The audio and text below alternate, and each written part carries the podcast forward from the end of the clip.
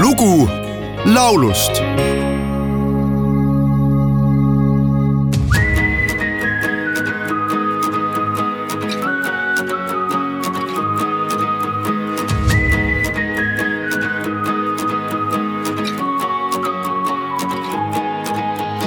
Entä jos oisin seitsemän oikein lotossa veikannut?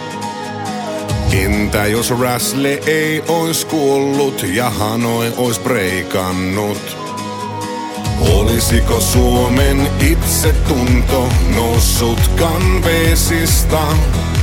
Jos leijonat olisi kultaa tuoneet jo Lillehammerista.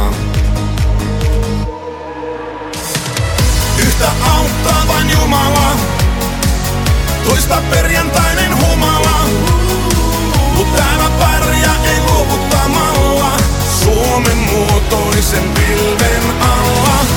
Sinä oot minun valon tuoja, kunnes armahtaa meidät luoja. Ei täällä pärjää kuin rakastamalla, Suomen muotoisen pilven alla. Entä jos oisi Irmelin kanssa kihlatkin ostettu? Entä jos lääkelaukkua ei ois Shellille unohdettu? Olisiko Nokian pääkonttorille Keilan niemessä käyttöä? Jos johtajat olisi luureihin laittaneet kosketusnäyttöjä. Yhtä auttaa vain Jumala, toista perjantainen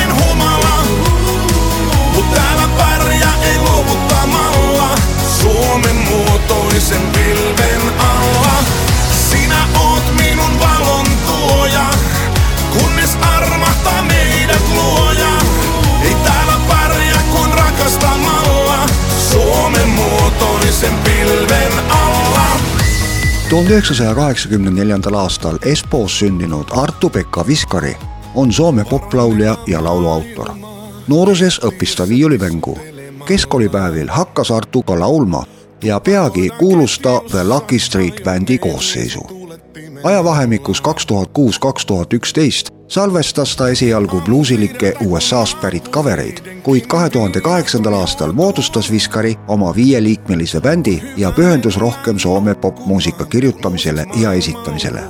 läbimurre saabus kahe tuhande kümnendal aastal, kui kauplustesse ilmus Arto Viskari singel Mökki tie.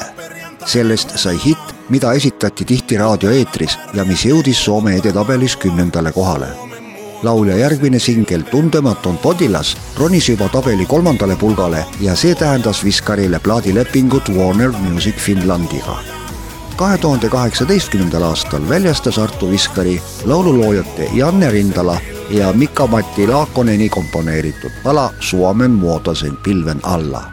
sellest sai kahe tuhande üheksateistkümnendal aastal üks enim kõlanud raadiohitt eestikeelse kaveri pealkirjaga Pilvede all on linti laulnud ansambel Parvepoisid